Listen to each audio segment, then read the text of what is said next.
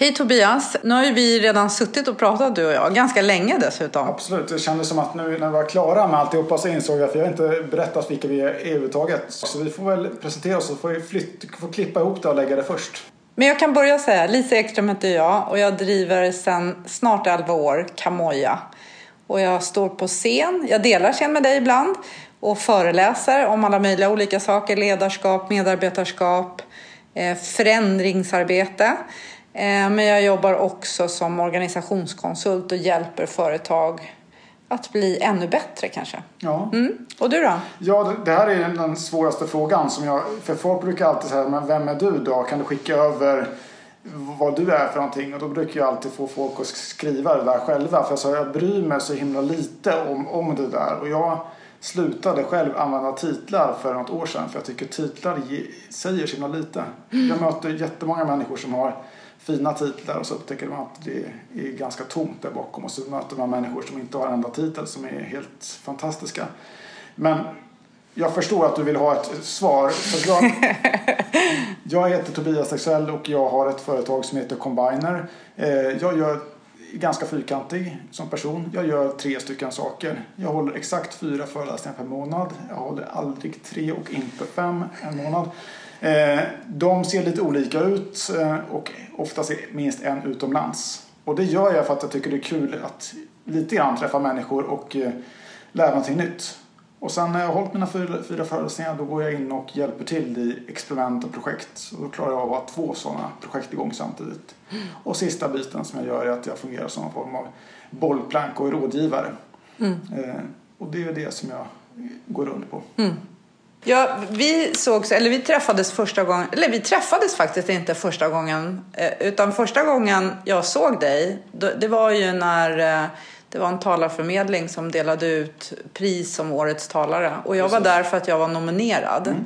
Och då är det så här att det är en hel sal full av föreläsare och så brukar man ha någon föreläsare som står på scen och pratar. Och då kan man ju tänka att det är lite våran profession men det måste ju vara den läskigaste publiken att kliva in framför. För det sitter liksom, inte vet jag hur många det var, kanske 300-400 mm. proffs i publiken. Och ändå så ska man någonstans fånga dem. Mm. Och man har ganska kort tid på sig. Jag tror att du pratar 20 minuter. 20 minuter. Ja. 20 minuter. Och eh, jag, jag kommer ihåg när du kom ut på eller när du presenterade. Så jag kommer också ihåg att jag eh, tänkte så här, shit, där är någon som verkligen har vågat utsätta sig för en situation. Mm. Sen är det lite så här att i vår bransch, eller i alla fall jag har ju varit i branschen ganska länge, så jag känner väldigt många andra föreläsare. Mm. Och när du kom in på scen så var du inte för mig en annan föreläsare. Nej. Fast du ju var det. Ja. Men du var, jag har aldrig hört talas om dig innan. Nej. Jag har ingen aning om vem du var. And you blow me away. Alltså jag, jag skulle säga, det, jag har sagt det till mm. dig, jag skulle säga topp fem föreläsare i Sverige. Ja, jättesnällt. Jag har alltid dragits till de här ytterligheterna. Alltså jag trivs ju där, jag, de här marginalenkanterna och jag gillar ju när det är svårt. Därför det är så, alltså det är så jag lär mig. Så när jag fick frågan om att göra det här uppdraget så tänkte jag så här är ju jättespännande. Svårt. och jättesvårt. Precis som du säger att där sitter människor som jobbar med det här till dagligdags och liksom är jätteduktiga och har en så här kritisk blick och har sett allt och liksom, ja, är, är egentligen inte så kanske jätteintresserad av den här talaren utan man sitter och, på helspänn och får jag det här priset eller, och, mm. och, och, nu ska jag träffa mina vänner och mina konkurrenter. Mm. Tänkte, det där är ju en sån här ytterlighet, en sån här extrem eh, och i de här ytterkanterna har jag alltid trivts.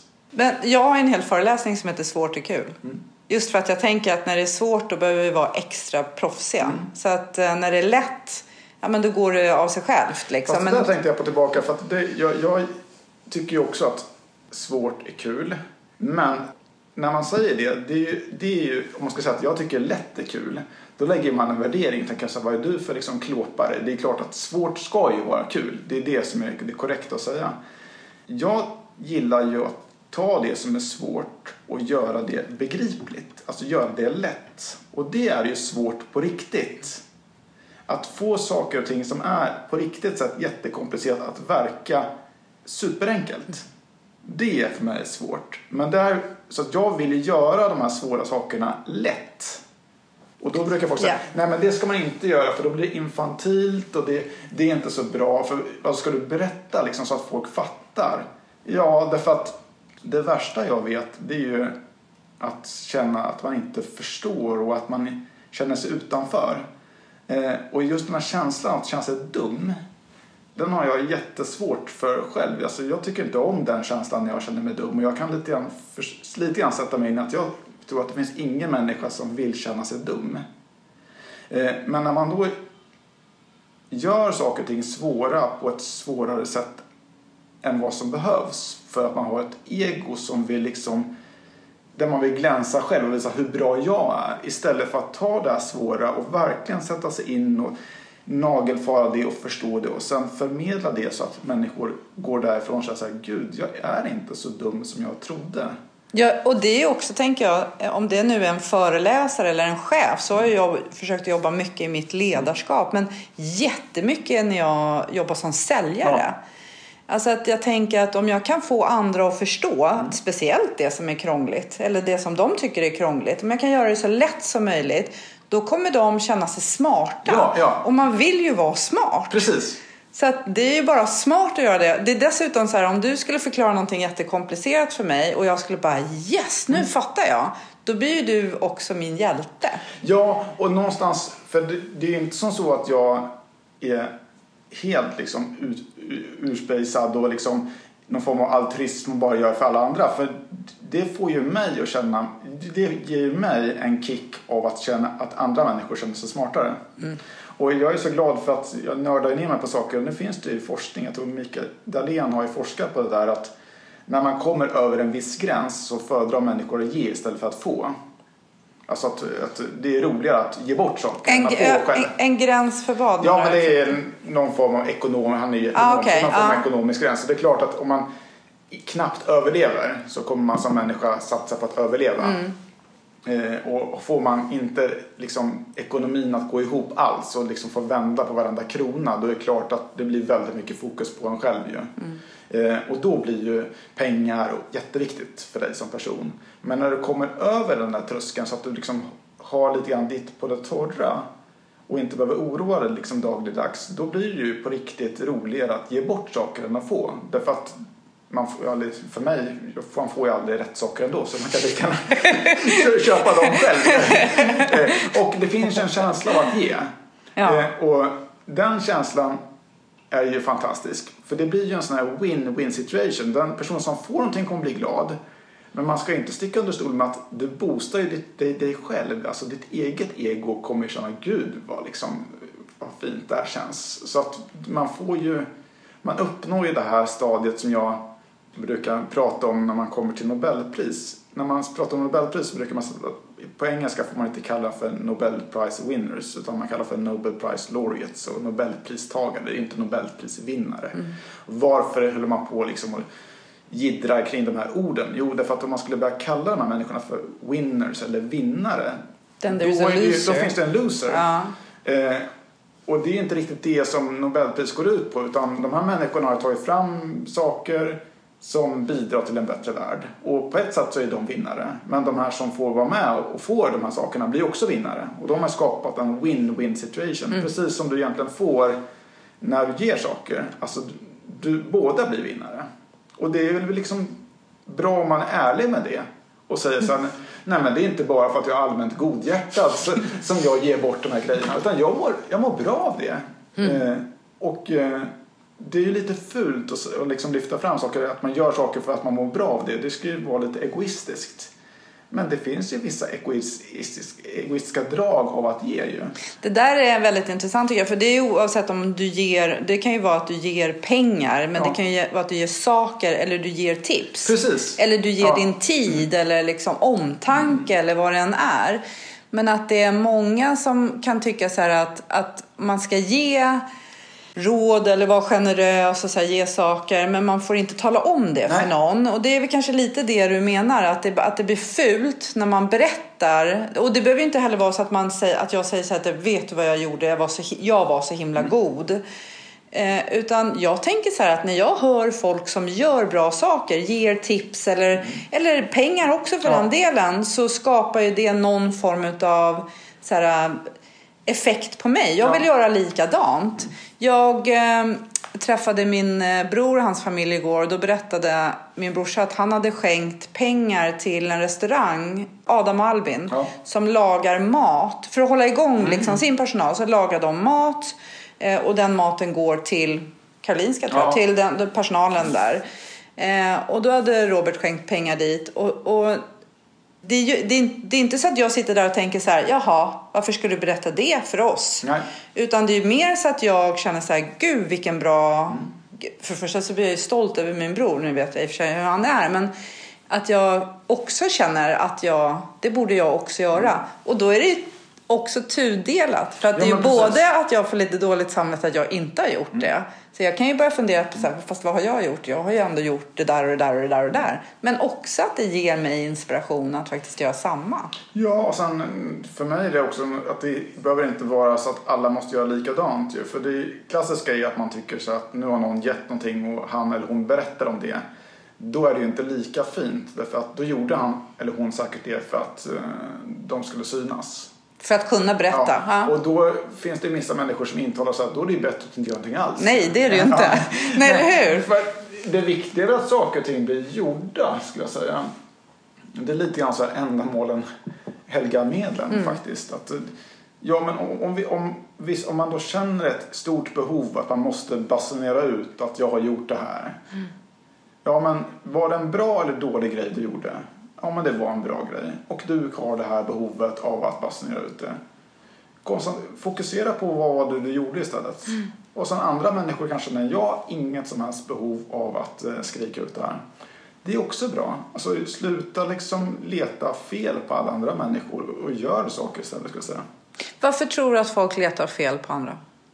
Jättesvår fråga, men är inte liksom att Ja, lite grann där. Att man, man stöter på någonting som man inte riktigt förstår och då måste man i sin, skapa en förståelse för varför gav den här personen pengar till den här restaurangen? Det här var ju helt ologiskt. Och så hittar man en lösning. Ja, men det gjorde han bara för att han ville liksom skryta om det. Mm. Eller också så här, jag kan också märka att folk kan bli så här, om man nu skulle ta det exemplet så här, hur vet man att den maten verkligen kommer till Karolinska eller vilket Ja, sjukhus det än var? Att man hittar liksom fel i det. Men jag kan också undra ibland så här, är det för att man är avundsjuk att man inte har gjort något själv? Eller att man inte kom på du vet att det blir någon sån här jobbig känsla så här, ja, jag borde också, här sitter jag och inte, ge, inte ger eller Ja, men jag tror att det kan slå an en sån ton. Men sen så tror jag att det också handlar just om att vi har haft ett eh, samhälle som i mångt och mycket har, ha- vi har haft det väldigt bra. Eh, och det som man har liksom tränats upp i skolans värld och även i, i, i arbetslivet, det är ju att leta efter så här små fel. Alltså så finjustera. Kan, om vi om vi eh, kortar ner de här säljsamtalen med typ eh, fem sekunder kan vi öka försäljningen. Alltså man har blivit väldigt duktig på att, att liksom finjustera och liksom vilket jag kan absolut förstå i ett samhälle som rör sig ganska långsamt. Då blir ju fokus på att vi har inte tid och kan inte ta fram massor med nya saker så då finjusterar vi det som redan finns. Och det har rankats som någonting som är väldigt bra. Mm. Och jag tror att den tiden är lite passé faktiskt. Tror du att den är passé eller att den håller på att fejda ut? Jag tror att man har alltid sagt att kreativitet och innovation är jätteviktigt. Men det för mig har varit inte riktigt sant. Därför att det behövdes inte så mycket innovation och så mycket kreativitet. Därför att det var för arbetsamt och tog för lång tid att få fram den här nya affärsmodellen eller den här nya produkten och så vidare. Så man kanske hade råd att tänka att inom kommande tio år så kan vi satsa på tre stycken grejer. Och så hoppas vi på att en blir bra ju. Vi kan, man ska inte kunna säga vi satsar på 3000 grejer. Då säger jag, du är helt galen. Så vi gör de här tre grejerna och så finjusterar vi resten av tiden. Men nu så tror jag att vi behöver faktiskt ha de här 3000 grejerna. Och då har vi tränat upp en hel generation, eller en hel mänsklighet som är jätteduktiga på att finjustera och leta fel och kritiskt ifrågasätta. Vilket är jätteviktiga egenskaper. Men, men det är där tillbaka till olikheten. Men om man har ett, en, en, en hel värld full med människor som bara kritiserar och letar fel och, och finjusterar. Vad blir det för utveckling då liksom? Vi behöver ju naturligtvis fort, vi kommer fortsätta behöva den typen av människor men alla kan ju inte vara likadana. Vi måste ju ha fler människor som också vågar och som, som, som, som gör annorlunda saker. Och sen måste vi det, det här är väl det som för mig är det, det viktigaste. Vi måste ju få de här grupperna att eh, respektera varandra och inte liksom ja, men någonstans inse att man hör ihop. Att det faller på den svagaste länken. Att inte någon är bättre än någon ja, annan kan jag tycka. Så här. Ja. För jag skulle säga att jag har ju ja, ända sedan jag var ganska ung, alla fall ända sedan jag kom ut i arbetslivet, upplevt själv att jag är för kreativ. Mm. Jag är för påhittig. Och, och eh, det har jag fått lära mig. Att jag, jag vet att jag hade en chef en gång som sa att det är som att du skjuter med ett paintballgevär. Du bara... Så här, och det är väl de här 3000 sakerna. Mm. Eh, jag kan ju inte gå och handla som en vanlig människa. Jag, jag, går in på ICA eller Coop eller vart jag nu handlar och bara, åh varför står den här här? Och det borde man flytta. Och tänk om man vänder på den här skylten. Och varför står det här långt ner och det här? Hela tiden. Så att jag, så till den grad att jag liksom nästan försökte hitta en off-knapp i min mm. hjärna för att jag är så kreativ. Och eh, jag har ju levt några år, mer än du, 52. Och jag har liksom försökt att dämpa min kreativitet. Eller jag har varit i många situationer där jag har känt att den har inte varit uppskattad. Nej. Utan jag har blivit jobbig för att jag hela tiden har skjutit en massa nya idéer. Absolut. Det har blivit jobbigt. Ja. Så jag har också fått lära mig att jag måste paketera mina idéer. Jag kan inte skjuta 3000 idéer. Utan jag behöver paketera mina idéer så att, och paketera dem också på ett sätt som om jag ska sälja in en idé till dig så tänker jag ofta att jag ska inte sälja in den bara till dig. Nej. Utan jag ska ge dig argument så du kan gå till nästa led. Mm. och bli hjälte där. Mm. Alltså det är inte bara min kund. Så du vet, om jag ska sälja en bil så är det inte bara personen som jag har precis framför mig. Utan det är den personens fru eller man eller respektive och barn och kompisar som jag ska ge, ge personen argument som den personen kan ta med sig i nästa led. Ja. Eh, och det där tycker jag, för mig så har det varit en framgångsfaktor faktiskt. Jag tycker att jag har fått igenom mer kreativa lösningar eh, för att jag har tänkt på att jag behöver paketera dem ja. på ett visst sätt. Men och det... sen är det, men det är alltså bara, för att det är också, handlar ju också så otroligt mycket om timing. Jag har varit så här... Ja, jag fattar ju att jag har haft idéer som har varit långt före min tid.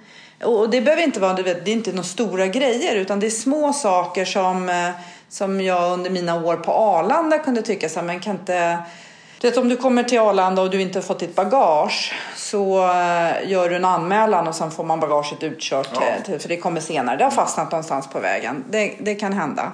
Eh, och jag vet att jag då, och nu, nu pratar vi kanske så 15 år sedan, sa varför kan inte kunden själv fylla i sina... Varför kan inte kunden göra sin mm. anmälan själv? Nej, det går inte. Varför inte då? För jag satt ju själv då och tog emot någons uppgifter så här. Ja, vad var din adress? Mm. Jaha, vänta, vänta, hur stavas det? Vänta, vad sa du? Sex trappor, jaha. Ja, postadress. Alltså det tog ju ganska mycket tid. Eh, och, och då handlade det om så här, nej så kan man inte göra för då kan kunden lura oss. Ja, ja men då skulle ju kunden kunna göra eh, 80 procent av jobbet och sen skulle jag kunna kvalitetssäkra de sista 20 procenten. Mm. Nej, nej, nej, det går inte. Nu vet jag att det finns flygplatser där man gör det. Ja, men timing is everything. Mm. Och någonstans så kan ju inte jag nu sitta och säga så här, det där sa jag redan för 15 år sedan. Ja, fast då var timingen fel. Ja, precis. För det är det som är så viktigt tror jag, just när man kommer in till kreativitet. Att det inte bara handlar om att skjuta de där 3000 idéerna. För jag brukar vara väldigt tydlig med det när jag är ute och föreläser just om, om kreativitet. Det handlar inte om bara idéer. För att, att tänka ut massor med idéer är inte speciellt komplicerat i sig. Och alla människor kan tänka. Eh, så det, det, har inte med liksom, någon form av tankeförmåga. Kreativitet handlar om att kunna tänka nytt och annorlunda men också att kunna genomföra sina idéer. Så det handlar om att tänka och göra. Mm. Eh, och då blir det svårare därför att om du har 3000 idéer så kan du absolut ha det. Men ska du kunna genomföra 3000 idéer, det är ju lite mer komplicerat. Och då måste man ju tänka till lite grann. Om jag vill att de här idéerna som jag har ska bli genomförda, vad är det då som krävs? Och det är det precis du, det du sa med, med exemplet med, med bilarna. Då måste man ju tänka att det räcker kanske inte bara med att sälja till den här mannen eller kvinnan som ska köpa bilen utan jag måste liksom tänka i flera steg. Ju. Mm. Och det tror jag är, är så himla viktigt att, att förstå att det handlar om att tänka och att göra. Och det, där har man också gjort en uppdelning mellan att vissa människor är jättebra på att tänka och spruta idéer och andra människor ska sitta och genomföra dem där. Det är väl liksom kombinationen som är intressant. Och kreativa människor har en förmåga att både kunna tänka och att genomföra. Och jag menar ju att det är, en, det är inte liksom unikt för en liten grupp människor. Det kan ju alla människor göra. Det är en träningsfråga. Men jag, och jag tänker också någonstans här att man behöver heja på. För jag har ju varit i många sammanhang där folk har varit så kreativa så att man bara, nej, vänta. Mm. Alltså att du kanske hittar på en idé och jag kan inte se att det är genomförbart. Ja, och då behöver jag också tänka att okay, antingen så har jag tillit till dig. Mm. Jag litar så mycket mm. på dig så att antingen så är det genomförbart eller så är det inte det och då kommer det vara okej. Okay. Mm. Alltså det blir inte så läskigt. Nej. Nej, men det där, för det där är ju, om man tänker på hur, hur samhället ser ut idag. Nu är ju många liksom, jag upplever en sorts handlingsförlamning. Liksom, att man vet inte, det blir kris och eh, ingen vet vad man ska göra och då gör man ingenting alls ju. Ja. Är du så? Nej, jag är inte så. Eh, inte ens ett, ett litet tag? Ja, men det är klart att, att man blir lite förvånad. Oj, så nu hände det här. Men min, min hjärna som alltid är lösningsorienterad så tänkte jag så okej, okay, eh, hur, hur tar vi det, hur arbetar vi härifrån då? Och det var en, en kompis till mig som, som är läkare på Karolinska så sa det så himla bra. Han sa att han nu i de här eh, tiderna så har han, han har under lång tid haft kollegor som inte har kunnat öppna e-posten i sin mobiltelefon. Och det har ingenting med ålder att göra utan det har med andra saker att göra. Eh, och så sa han så att eh, nu när det är lite kris på riktigt så tvingades ju folk eh, skärpa till sig. Och då visar att de absolut kan lära sig öppna och få e-posten i telefonen och även andra saker. Och för mig är det så roligt för att jag brukar säga att tänk att för vissa människor så krävs det en sorts pandemi innan man är så intresserad av att ändra sitt beteende. Och andra människor gör det lite mer självgående. De har pandemi hela tiden. Liksom. Ja, men eller hur? Ja. Eller, ja, det kanske, eller, Nej, jag det, förstår det, vad du menar. Det... Att, att, jag tror också att, att om man inte har premierats för att uh, göra annorlunda. Ja, eller premierats. Det har ändå, jag ska säga så här, det har varit okej okay mm. att inte göra annorlunda. Till, eh, det är inte bara varit okej. Okay. Det har varit det man ska förväntas göra. Därför att om du gör för mycket nytt och för mycket annorlunda så blir det jobbigt för alla andra. Mm. Eh, och då skapar man en, en, situation där faktiskt man säger att gör ingenting för det blir, blir för jobbigt att göra. Och det där ska man också komma ihåg att den här jobbigheten det är ingenting dåligt. Livet är jobbigt. det, och, eh, och det jag tror att man är lite för bekväm. Man tycker att Nej, men nu blev det lite jobbigt. Det känns inte helt bekvämt. Eh, jag vill komma ur det här jobbiga så fort som möjligt. Istället för att bara konstatera att nu är det jobbigt. Och ja, och acceptera det är jobbigt.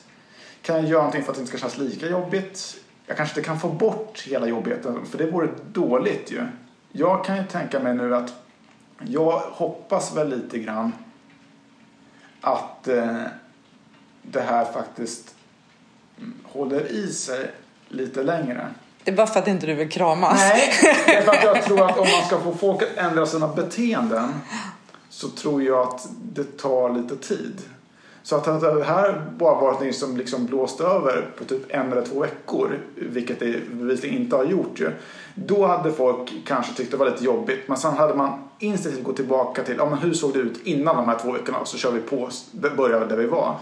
Men om det här tar längre tid då kommer folk eh, någonstans upptäcka att det kanske, ja det var inte alls speciellt trevligt och bra på något sätt.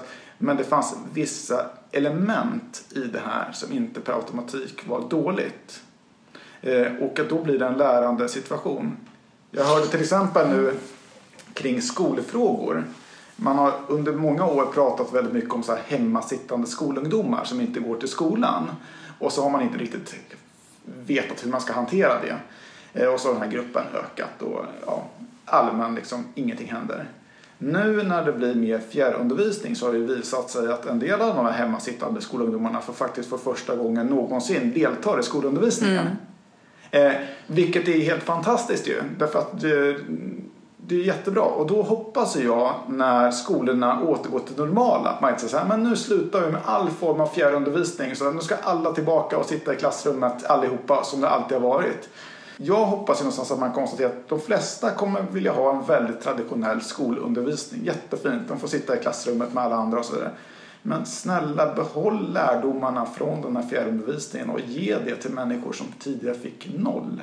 Och tänker du då så här att det kan ta ett tag för oss att vilja och kunna lära det här nya. Så att när det håller i sig nu då kanske vi inte går tillbaka till vanlig skolundervisning utan då hinner lärdomarna mer sätta sig. Ja, och sen när man gör nya saker, det är ju inte bra från början. Det kan jag, alla som har haft någon form av liksom Skype-möte eller liksom någon form av, av digitalt inser att det var inte alls som att prata på riktigt.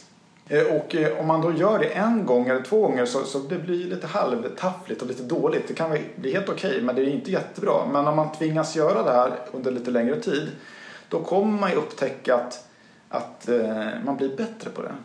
Ett bra exempel tänker jag på digitala föreläsningar. För att när man föreläser ute bland folk då är det inget problem att prata 20 minuter, 30 minuter, man kan prata en timme. Eh, och man kan fortfarande fånga publiken och alla tycker att gud vad snabbt, att var det en hel timme när man, tiden stod stilla, det var helt fantastiskt. Det är inte riktigt samma sak att lyssna på en föreläsning en timme på, på, på, eh, på datorn. Det går ju inte i princip. Nej. Jag har ju själv liksom ändå försökt att nu ska jag anstränga mig men så fort folk börjar prata så tänker man att det låter lite grann som en podd kan jag inte stå och diska samtidigt. Mm. Eller kan, jag tror hemligheten när det gäller digitala föreläsningar att bryta ner det i mindre block. Det har jag själv provat. Så att istället för att hålla en 45 minuters föreläsning så kanske jag först pratar 15 minuter och sen gör man någon form av liksom fråga som man ställer ut. Och sen så eh, pratar man 15 minuter till. Och så gör man någonting annat. Alltså, man kan fortfarande få in de här 45 minuterna men man kan inte köra det precis på samma sätt som man gjorde det analogt. Nej, och det tycker jag, det, det, det, det ser jag så himla mycket nu. Nu gör man på samma sätt som man har gjort. Mm fast man gör det i en annan kanal. Ja, men precis. Och det är likadant, så här, jag har själv gjort en kvart mm. här för, tillsammans med tre andra föreläsare som vi la ut också eh, här för några veckor sedan. Och det är inte så lätt alltså. Nej, nej. Man kan märka själv att när man har en publik framför sig, det är ju som att prata med någon som du inte riktigt, du ser inte kroppsspråk, du får inga reaktioner, det går ju inte att skämta. Nej. Jag tycker att det är ganska roligt att, att skoja när jag står på scen. Jag skojar ganska mycket och så skrattar folk och så, tycker, och så blir det liksom en mysig stämning. Men det kan du känna av ju, för det är lite ja. grann som en teaterföreställning. Om du står och kör en föreställning och du skämtar och så upptäcker du ojsan, det här skämtet för inte väl då känner ju du det och då kan du reparera det och så gör du någonting annat. Men när du gör det och inte har en aning om hur reaktionerna är på den som lyssnar. Nej men och jag har också lyssnat på flera föreläsare ja. som jag vet att jag skrattar åt eller med kanske man ska säga, när jag sitter i en publik. För då, då är vi fler och så här. Men när jag sitter hemma vid köksbordet och lyssnar på någon, inte sitter jag och skrattar då Nej. för mig själv. Och... Nej, och det där är utmaningen då. Och om vi då vill exempelvis att folk ska skratta vid köksbordet när de tittar. Hur gör man det? Det är det som triggar min hjärna. Alltså hur bygger man det? För du kan inte göra precis på samma sätt ju. Nej, och, och då jag, kanske jag det... tror att du kan uppnå det. Därför att jag vet, det vet man ju själv att, att, att eh, vissa saker man lyssnar på radion eh, kommer jag skratta så här åt ju. Och tänka så här, vad, är, då börjar man, vad gör de annorlunda? Mm. Och det går tillbaka till det som jag, apropå det med olikheter. Jag tror att man kan lära sig så mycket av att titta på andra. Och innan det här så så var det mycket så här föreläsningsbubbla där alla liksom tittade på andra föreläsare och så vidare. Eh, men kan man titta på andra branscher? Kan man titta på liksom radiopratare? Vad är det de gör som är, liksom blir roligt? Som, och så vidare. Och så väver man in det i någon form av liksom föreläsningshybrid. Och plötsligt så blir det inte liksom renodlat utan det är en mix av olika eh, erfarenheter från olika. Vad är det som duktiga lärare gör eh, i klassrummet som får folk att hänga med? Vad är det som duktiga läkare gör när man berättar om en, att folk får en diagnos och så vidare. Jag tror att genom att inte bara stirra på en bransch utan stirra på väldigt många så finns det jättemycket att lära sig i det här. Jag gjorde ju den där föreläsningen och då var det en kompis till mig som heter Shanna som eh, mejlade och skrev att det var, det var jättebra men jag har lite tips. Hon har jobbat med teater. Mm. Så hon pratade just om det här med att uh, titta in i kameran mycket mm. mer. Själv så flackar man lite med blicken. Ja. För så gör man ju när man står på scen. Mm. Då har man ju många i sin publik ja. och då behöver man så här. Men det här med att ta från olika, många olika branscher. Det är egentligen det som hela mitt företagsnamn Precis. är baserat ja. på. Lite så här Steel with Pride. Ja, men eller hur? För att eh, det heter ju Kamoja, precis som mm. podden har jag döpt till Kamoja-podden. Mm. Och Kamoj betyder tjuv på thailändska. Så när vi flyttade hem från Thailand så satte vi A på kamoj för att mm. göra det till ett svenskt verb. Precis. Och så var det liksom ett vanligt ord hemma hos oss. Har du kamojat min mugg? Jag ställde mm. den här. Så här. Att man ska sno saker från andra branscher helst, eller Precis. andra sammanhang in i sitt eget för att man ska bli unik i, i sitt eget. Och jag tror att, nu pratar ju vi lite om våran bransch som är föreläsarbranschen, men jag tror att det där är någonting, det är tid att göra det för alla branscher. Ja, ja. och jag gjorde när jag skapade mitt bolag, så jag är lite grann besatt av ord och eh, ord är jätteviktigt för mig. Eh, och då ville jag ha ett, eh, ett bra namn. Eh, och så var det svårare än vad jag trodde. Men så landade jag till slut med att mitt bolag fick namnet Combiner. Eh, vilket jag var så nöjd över för att det, jag lekte med ordet combine, att kombinera. Och sen så la jag till bordet, bokstaven R. Så blev det Combiner och så visade att det namnet gick att registrera som ett bolag, vilket de andra inte riktigt gick då. Så var jag nöjd med mig själv och kände mig så lite smart. Tills jag insåg att gud, jag har inte engelska som modersmål. Så det här kan ju betyda precis vad som helst. Om jag googlar combiner, vad kommer jag hamna på för suspekta sidor? Och liksom så här, betyder det här rökheroin? Liksom, slang. Det här, det, var jag verkligen så smart? Eh, och så googlade jag och så först hamnade jag på liksom Clas Olsson och motsvarande sådana butiker för att man kan köpa en combiner och det är någon form av liksom, man stoppar in olika antennkablar så att åtta antennkablar så blir, tillsammans blir en. Och jag gillar ju tekniska grejer. Jag tänkte, gud vad härligt, så här, teknisk pryl, det, det är ingen fara, det var inte rökheroin. Eh, men sen hamnar jag också på de här Transformers eh, robotsidorna. Och Combiners där, det är ju de här robotarna som går ihop och blir en jätterobot. Där någon eh, torso, någon är huvud och någon är arm och så vidare. För jag tror också på att man ska stjäla varandra. Men jag tror att man ska sätta ihop sig liksom lite grann att, att eh, det är inte om man ska det är inte att man går och stjäl och sen så berättar man inte om det utan man, man stjäl och sätter ihop sig. Eh, och man formar den här liksom konstellationen där man är ganska öppen. Att ja, men I det här fallet så är det vänsterarmen som är, är huvudpersonen här. Mm. Här är det huvudet som är huvudpersonen och också en flexibilitet att man kan röra sig mellan de här kroppsdelarna. Mm. Och det går ju ihop med det som man kan se i forskning idag. Man pratar mer och mer om så här transdisciplinär, multidisciplinära team. Att det räcker inte med så bara smarta biologer utan vi måste ha smarta biologer och eh, smarta kemister och kanske till och med smarta ekonomer. Mm. Och de här måste samverka och problemet är att de här olika delarna gillar inte varandra. Att... Men varför gillar de inte varandra tänker du? Är det för att de ser att, alltså, känner man sig hotad eller känner man att det mitt är det viktigaste? Är det tilliten igen som är...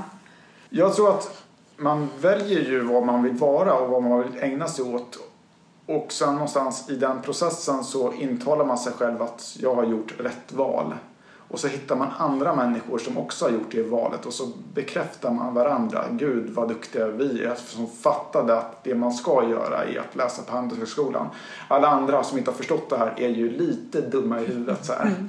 eh, grejen är ju att det är ju inte bara på Handelshögskolan som man, man, man, säger så utan då kanske man sitter någon annanstans på Karolinska och tänker gud att folk inte fattar mm. att det är, är läkare man ska bli och så vidare jag roade mig, eller jag har fortfarande, roar mig fortfarande med, när jag läste på universitetet för många, många år sedan och alldeles för många poäng så upptäckte jag att, eh, att det var just det att man skapar en gemenskap eh, kring vilka man läser med. Och så frågade jag mina korridorsgrannar som läste sådana seriösa saker som, som läkarutbildning eller så vidare på första föreläsningen när ni kom, liksom så här, vad sa, vad, vad, hur välkomnades ni? Mm. Och då var det så intressant att Då sa man exempelvis på läkarutbildningen så här, men gud, välkomna till läkarutbildningen. Här, ni är ju framtida eliten. Ni är ju liksom, liksom de här som kommer liksom bestämma i samhället.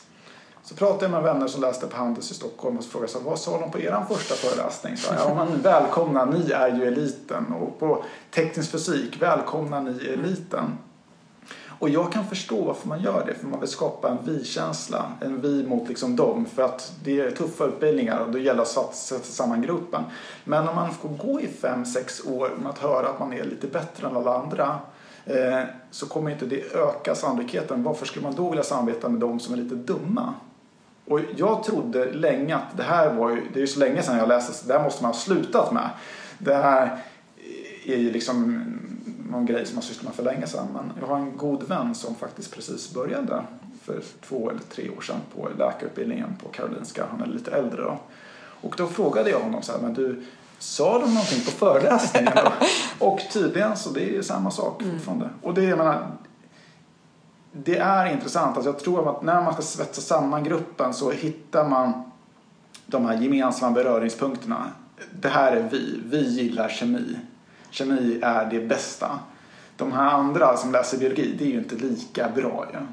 Och då blir det ju jättesvårt när man liksom sen ska börja säga så här, men vi måste förstå att, att det är lika viktigt. Jag pratar ju faktiskt ofta på mina föreläsningar om att man ibland väljer när man skulle kunna välja båda. Mm.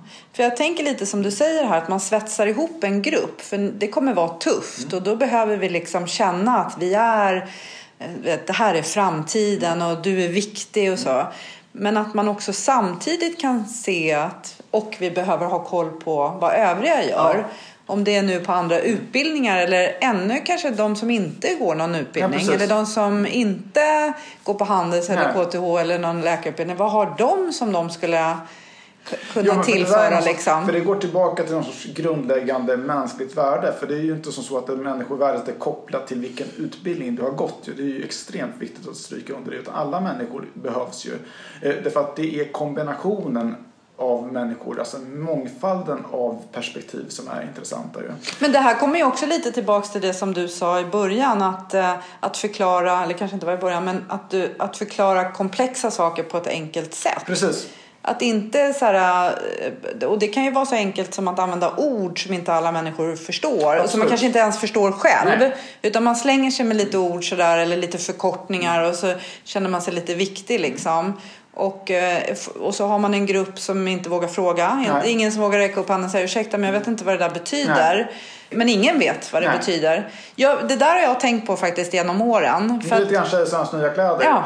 Eh, och det, det för mig är det också jätteviktigt det här med att eh, förstå liksom att det är inte så enkelt för då kan man tänka sig att alla borde förstå den här bredden och eh, förstå att man ska ha men jag tror vi behöver djupet också. Vi behöver, vissa människor har en fantastisk förmåga att kanske nörda ner på en liten, liten detalj. De blir fantastiskt duktiga liksom inom ett specifikt område. Det kan vara liksom inom försäljning eller bemöta människor eller inom kvantfysik. De blir liksom experter på det. Och världen kommer behöva människor som är experter. Men världen behöver inte bara människor som är experter. Man behöver också människor som är mer generalister. Och de här är lika betydelsefulla liksom. Eh, och där är man olika liksom. Och det är återigen det här att vi behöver inte vara likadana. Utan det finns ett värde i hela liksom idén om att all, allting inte är likadant? Jag gick för jättemånga år sedan en uh, faciliteringsutbildning i uh, Chicago. Mm. Jag kommer ihåg det där. Uh, det var sex dagar och det var från tidigt på morgonen till sent på kvällen. Man, var helt, man gick knappt ut. Liksom. Det var nästan så sektliknande. Mm. Liksom. Och jag tänker att det kanske är en yrkesgrupp som faktiskt kommer behövas ännu mer framöver. För att man blir ju lite så här, jag har ju faciliterat många grupper där jag, jag kan inte alls vad de jobbar med. Nej. Eh, och vill inte heller. Alltså, så kan det ju vara jätteofta. Så här, jag skickar din, våran marknadsplan, du får massa information som du kan läsa på, säger de till mig. Och jag brukar säga att du får skicka vad du vill. Mm. Och jag kanske skummar något, mm. men troligtvis inte. Nej. För att jag behöver komma dit med en, en, utan förutfattade meningar. För min roll är inte att ha synpunkter Nej. på sakfrågor, utan min roll är att driva ett samtal mm. eller en workshop eller vad det är fram till precis, ett resultat. Precis. Och då blir det ju kanske lite, jag tänker den som har nördat ner sig på en liten, liten detalj och den som är mer generalist. Mm. Så blir ju facilitatorns uppdrag att få dem liksom ändå att komma fram till ett gemensamt resultat. Absolut. Där relevant, eh, relevanta synpunkter och relevant kompetens hos de olika verkligen kommer fram och med i resultatet. Mm. Och sen kanske inte det är ett resultat som den som är jätteduktig på en detalj tycker det är det perfekta. Nej. Men det är heller inte det resultat som den som är generalist tycker är det perfekta. Nej. Men det är ändå på något sätt det bästa resultatet för alla. Alla mm. kan leva med det. Och det är intressant för vi har haft, tycker jag upplever att samhället har varit som så att eh, det har varit väldigt mycket fokus på att eh, få fram experter och att det är fint att vara expert eh, och det har inte varit lika fint att vara generalist ju. Och det finns någon sorts eh, konkurrens däremellan. Är du expert eller är du generalist och så vidare. Eh, och risken är att vi får en slagsida sen nu när vi går över från att ja, det är inte experterna som, som gäller längre så då blir det liksom en slagsida för generalister. Det är återigen det är kombinationen som är så himla, himla viktig ju. Combiner. Ja men för, annars, annars återigen, för lika av allting, det blir inavel. Mm. För lika lika, likhet skapar liksom en enhet. Det blir liksom, jag brukar skoja om att man kan välja vad man vill ha, vad är för liksom sammanhang och för företag. Vill man ha ett sammanhang som är liksom mångfald, där mångfald inte alls handlar om att vara snäll utan det handlar om effektivitet, det vill säga att få in fler perspektiv där tycker jag att de flesta människor borde fatta att det är det som gäller. För vad är motsatsen till mångfald? Jo, det är enfald och då ska man vara jäkla säker på att det enda perspektivet man har är helt rätt. Och jag skulle inte våga satsa mina pengar på en enda grej, liksom, så här, särskilt inte idag.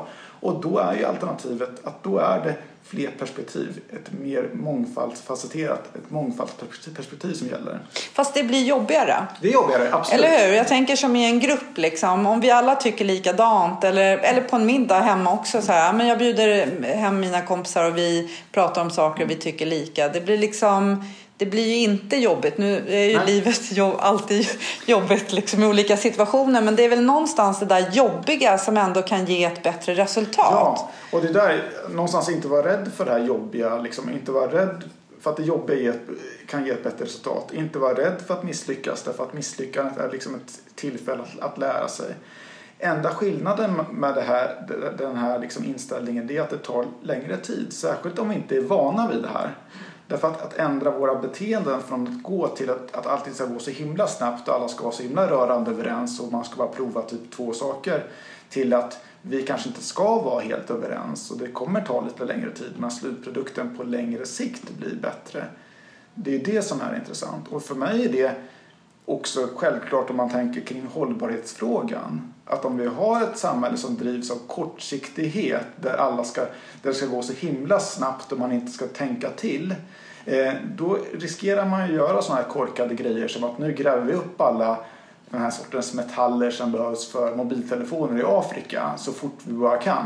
Utan någon som helst konsekvensanalys på vad får det för konsekvens för människor som bor där och de här länderna. Därför att då kan vi på tre års sikt sälja fantastiskt många telefoner. Eller så tänker man så här, det ska vi inte göra. För vi vill finnas kvar om hundra år. Och då kanske inte vi kan gräva upp allting. Utan då måste vi tänka till. Och det blir lite besvärligt. Därför att livet blir lite jobbigare. Och livet är lite jobbigare ändå. Inte för dig nu i coronatider. Nej, för du slipper kramas. Nej, men, men jag vet, sen när vi ses ja. efter då kommer vi kramas ja, ikapp Tobias, jag lovar. Ja, men, jag tänkte på det för att alla säger ju så här, ja, men, det är många som är extroverta och tycker om att kramas säger det. Gud vad skönt det ska bli den där över. Och, och jag ser ju så här, lite grann massa skräckblandad fasa fram emot det. För jag är så rädd för att, de har sån, att man har sån abstinens så att man liksom går crazy Eh, men jag tror att det är inte, måste inte vara en bra period, en insikt att förstå att ja, men det här är jättejobbigt för dig. Liksom så här. Men, men, eh, och det här är inte lika jobbigt för de här som är med, med introverta. Men om vi går tillbaka till som var tidigare. Den här ödmjukheten som man får av att liksom ha upplevt någonting själv. Lite att walk in someone else's shoes. Att man får prova på hur det är. Och jag tycker att folk ska fortsätta kramas. Men man kanske ska, kanske ska vara, li- bli lite bättre och fråga så här. Du, jag skulle gärna vilja kramas. Vill du det? Men Och om jag tror skulle att fråga dig... majoritet- Skulle... Majoriteten skulle säga Ja. ja. Sen Exakt. kommer det finnas några som säger helst inte.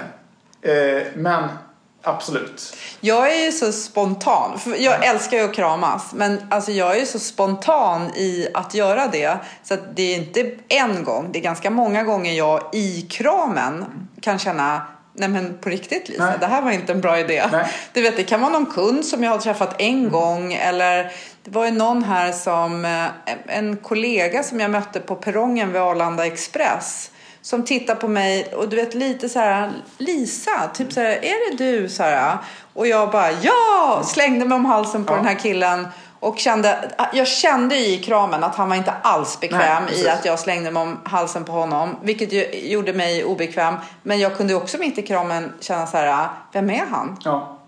Jag, jag kunde inte riktigt känna igen honom. Så att eh, ja, kanske är det... Kanske, ja, jag tror att eh, man Och- får eh, ta hänsyn till varandra. Ja men absolut. Och det, och det, ska inte, det kan inte bara vara på, återigen det blir så svart och vitt att det blir de som gillar kramas mot de som inte gillar kramas. Alltså, man får väl kompromissa. Eller hur? Eh, Kramas man, ibland. Man, man, kramas ibland. Och någonstans förstå att det ser lite olika ut. För jag, jag har ju återigen under de här mina 46 år lärt mig att jag kan ju krama människor. Men jag tycker fortfarande det är så lite märkligt. Och framförallt människor som jag inte känner alls.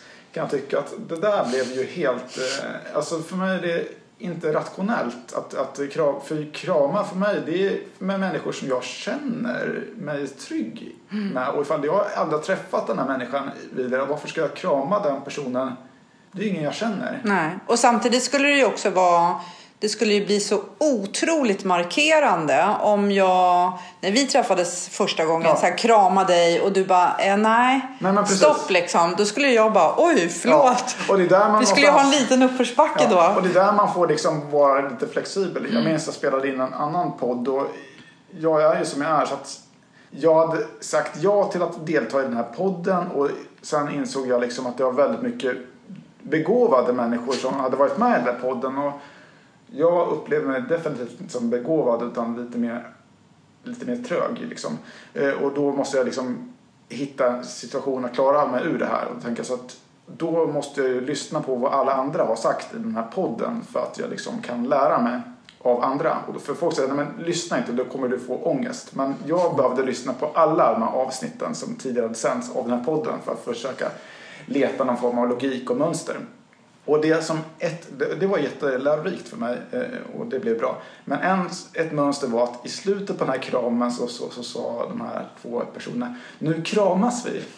Och det var det som skrämde mig allra mest inför den här poddinspelningen när dagen skulle ske. Gud, nu kommer det här att avslutas med kramar.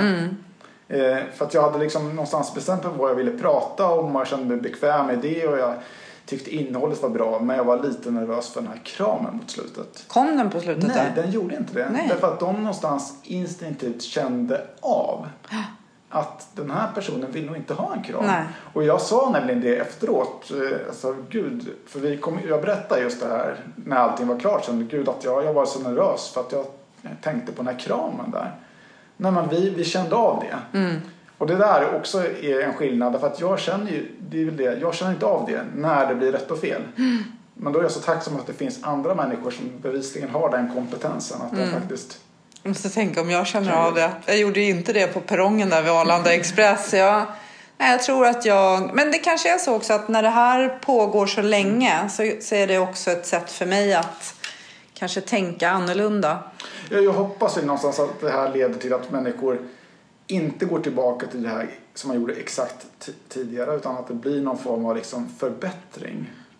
Därför att det här är ju någonting som, som en kris som, som, som, som vi går igenom allihopa. Men, men jag brukar ju ofta säga att jag gillar inte ordet förändring därför att det är väldigt, väldigt, det är väldigt få människor som, som, som tycker att det är kul med förändringar på riktigt. Sen är det liksom innan att man ska säga att jag är så himla förändringsbenägen men när det kommer till kritan så tror jag inte att folk gillar förändringar generellt. Eh, men i kris gör man ju det. Ja, alltså då måste man ju. Då har ja. man ju val ju. Nej. Och då tror jag att förändring är ju bra. Mm. Men då kanske vi ska prata mer om förbättringar. Mm. För, förändringar som leder till någonting som är bättre, det kan ju folk inte ha någonting emot ju. Men förändringar som, som sker som leder till någonting som är sämre, det kanske man ska undvika. Ja. Men jag tänker någonstans att det handlar ju om, det här pratar jag faktiskt jättemycket om på mina föreläsningar, just förändringar och förbättringar. Mm. Att det ska vara, och då behöver du ju skapa en medvetenhet. Mm. Du behöver ju vända på vet, titta under stenar och ja, titta precis, hur gör vi så här. Och det kanske är igen det här att titta på små detaljer och ja, hitta fel och som du förbättrar. Men eh, ändå liksom att det är att du skapar en medvetenhet så att det som du förändrar är till det bättre. Ja. Och, och sen så tittar du medvetet på saker som du inte förändrar Nej. för att det är redan okej okay som det är. Precis. Men sen tror jag att du kommer också fram till att det kan vara så att vi jobbar i någon process du och jag och så förbättrar vi den processen för mig men ja. inte för dig. Nej.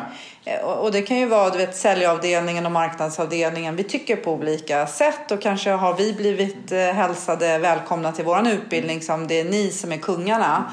Och så tycker man att nej, det här vart inte bättre nej. för mig. Nej, det vart bättre för administrationen men inte för mig. Nej. Och då tycker jag att det var dåligt. Och då behöver det ju också finnas någon form av ledare eller någon som bestämmer. Ja. Jag kan tycka, jag har också jobbat utomlands en hel del och i Sverige har vi ju konsensus. Mm. Eh, och jag tycker att det är bra till en viss gräns men ibland så kan jag uppleva att vi blir inte beslutsmässiga. Nej. Vi fattar inte beslut och de som borde fatta besluten de törs inte riktigt. Eh, och om, jag har tänkt så väldigt mycket när jag har jobbat som chef att jag behöver ha tillit i min grupp så att när jag behöver deras synpunkter, när det är det bästa, då ber jag om dem och får dem, tar hänsyn till dem när jag fattar mitt beslut. Men det är min, ja, mitt ansvar att fatta beslutet. Det är inte deras, Nej. det är mitt. Jag vet inte, jag kan ibland tycka så här att vi som medarbetare så vill vi inte ha en chef som stoppar fingrarna i våran syltburk. Nej. Som lägger sig i allt jag gör. Det är mitt ansvar. Låt bli. Men vi vill gärna stoppa fingrarna i chefens syltburk. Och ja, ha väldigt mycket synpunkter på. Och det skapar ju inte heller den här tryggheten. Så att ledaren upplever att Nej, men nu bestämmer jag. Alltså, säljaren tycker att säljaren är bäst, marknadsavdelningen tycker att marknaden, eh, kommunikationsplaner och sådär är bäst. Här. Men det är ju mitt ansvar som chef att säga ja, och nu fattar vi det här beslutet. Precis. Och det där, jag håller med helt och hållet. Och det där tycker jag, men det har ju också att göra med tror jag, att man har varit dålig på att förklara eh, de här sakerna. Så att, men jag tror inte att man någonstans på riktigt förstår. Man tror att nu alla ska få vara med och, nu, och chefen eh, gör det, då har jag också rätt att göra det någonstans. Mm. Någon sorts missförstånd på vad det går ut på, att vi har olika roller ju. Jag drar, jag drar parallellen till film. Ja, och samma sak med demokrati någonstans. Där att man måste förstå att det är ju ett system som, som är det bästa vi har hittat hittills men som fortfarande inte är helt perfekt ju. Men mm. det betyder ju inte... Det upplever jag bland många att man någonstans, när det inte blir som man själv vill, då är demokrati jättedåligt ju. Och när det blir som man själv vill så är man jättenöjd. Men då måste man också förstå att det blir inte alltid som man vill. Men det här är för majoriteten det bästa. Och det kan för mig personligen vara det, Jobbigt. det sämsta. ja. Och det måste jag acceptera. Men där tror jag att folk har väldigt svårt att acceptera när det går till en själv. För man är väldigt man är väldigt liksom för det här med liksom att peka med hela handen och när man själv får göra det. Men när andra börjar göra det åt en, då blir det ju jättejobbigt. Ju. Och det där, då har man tror jag missförstått att eh, vad saker och ting ibland går ut på. Om du tänker så här combiner, att man ska hitta, eller om vi kallar det för att kamoja från olika branscher och sätta mm. ihop liksom så att det blir en ny form av helhet. Kan du se att det är något sånt? Kan du redan nu tänka att det är något sånt som kommer komma ur det här? Eller är det för tidigt att säga? Nej, men jag tycker att man ser exempel nu på just den här typen av branscher som börjar kroka arm med varandra och att man ser att det finns ju en del smarta synergigrejer som man så här, återigen i efterhand säger gud varför gjorde man inte det här tidigare liksom så här. Eh, så jag, jag hoppas ju någonstans att den här krisen leder till en lite grann uppluckring av de här tydliga murarna som finns mellan vissa branscher. Mm. För min åsikt är, jag tror att många tänker så här, gud, kommer vi kunna hitta lösningar på alla de här problemen som vi står inför? Jag tror att mycket av lösningarna faktiskt redan finns, men att de ligger i helt fel box eller helt fel bransch. Mm. Och om folk kunde tona ner sina egon lite grann och säga så här, vet du vad? Vi lånar eller kamojar den här grejen från eh, hälsovården. Men det betyder inte att vi blir ett sjukhus utan eh, den är ju rätt smart mm. Och de här bankmänniskorna säger gud, vi skulle kunna plocka den här grejen från någonting helt annat. Ja. Och, och då tänker jag också, för att oftast är det ju som det nu är bank, så man börjar jobba på en bank och sen jobbar man på den banken eller man kanske byter bank mm. men man byter inte bransch lika ofta. Nej men precis och, och, när man väl stöter på någon som har hoppat mellan jättemånga olika arbeten de blir jättesvårplacerbara. Vad är det här för någonting? Därför bevisligen så har ju han eller hon varit i olika branscher men, men var hör han eller hon eller hen på riktigt hemma? Kamoja är ju lite, lite så här sno något från en annan bransch. Mm. Kan du komma på något som du har kamojat från? Nej, men jag har ju varit, jag har varit, först var jag jag trodde ju länge att jag skulle disputera i nordiska språk. Nu blev det inte som så. Eh, och sen gick jag från universitetet in i näringslivet. och jobbade som språkkonsult åt stora bolag. Det var bank och finans och management och så vidare. Och sen så tröttnade jag. Och sen visste jag inte vad jag skulle göra. Då hamnade jag i skolans värld. Och så var jag där några år och så tröttnade jag på det. Och så gick jag in i reklamvärlden och så var jag där några år. Så tröttnade jag på det och så hamnade jag på museum. Och ändå har du varit rädd att du ska fastna. Ja, precis. eh, och sen så tröttnade jag på det och sen så insåg jag att nu räcker det, jag orkar inte. Och så tänkte jag att om jag inte passar in någonstans då bygger jag mitt eget bolag. Då. Eh, och så gjorde jag det. Men det är väl just att se att, att man kan lära sig väldigt mycket av, av, olika branscher. Jag tror att, att om vi om vi ska lösa komplexa problem, vilket vi ändå är överens om att flera av de som vi står inför idag är komplexa, då kräver det sam samarbete.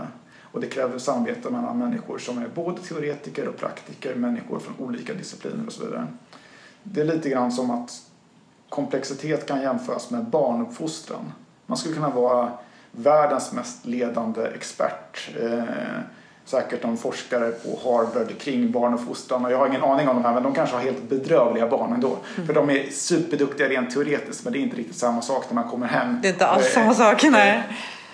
Och lösningen med, med, med barnuppfostran att det är ju inte lika enkelt så som, som bankbranschen på ett sätt ju. Därför att där kan man då mata in lite kopior och sånt där. Barnuppfostran kräver ju en långsiktighet. Den kräver att fler människor hjälps åt, det är ingen enmansshow. Det kräver en samverkan mellan teoretiker och praktiker. Det kräver en samverkan mellan olika branscher. Det kan vara skola, det kan vara socialomsorg, mm, livsmedelshandel eller vad som helst. Och det är svårt. Men skälet till att vi ändå får fram många, många ungdomar som, som blir vuxna och blir bra är ju just den här typen av samverkan och samarbete som ändå sker. Ja. Har du någonting sådär som du tänker att gud, det här borde folk kamoja från mig? Ja, men jag brukar säga att liksom folk får, jag, jag har så svårt att som sagt läsa av människor men jag brukar säga att ni får ta precis vad ni vill. Liksom. Jag, brukar, jag har, har ju, jag har ju min, min självbild är att jag kanske inte har så jättemycket. Jag kan, jag kan dela med mig av mina perspektiv och så vidare men när jag tittar på vad jag har åstadkommit så kan jag känna att det finns många andra människor som åstadkommer så pass mycket mer. Ju. Men svårt tror jag att analysera sig själv. Alltså det där, man behöver någon annan som berättar att eh, det där var ju bra gjort och så vidare. Det kanske är egentligen att man ska berätta för andra när man har kamojat saker från dem. Ja, men, Eller hur? Ja, det är inte det bra? Lite det. Ja, det skulle ju skapa en sorts tydlighet. Man Eller hur? ett vykort och säga så här, hej, vet du om, jag tog ja. det här. Mm. Och det vart superbra. För att, och det är inte, skulle man få ett sånt vykort så skulle inte det vara tråkigt Nej. att få. Det skulle, man skulle ju bara känna att det var fantastiskt bra att få. Och någonstans fast jag har tänkt mycket på det här, att det är inte bara det att liksom kombinera eller liksom på helt på slump. Därför att det finns vissa saker som jag tycker man måste dra ut eh, en riktning som är viktigt. Och där finns det saker som jag menar är viktigare än andra saker. Liksom. Och där tror jag hur skapar vi ett samhälle som är mycket mer tillitsbaserat, där vi litar mer på varandra? Det spelar ingen roll att eh, det är svårt, det måste göras. Och det går inte att liksom förhandla bort. Eller det är klart man, man skulle kunna säga nej men jag vill inte ha ett sånt samhälle. Men då för mig blir det, mm.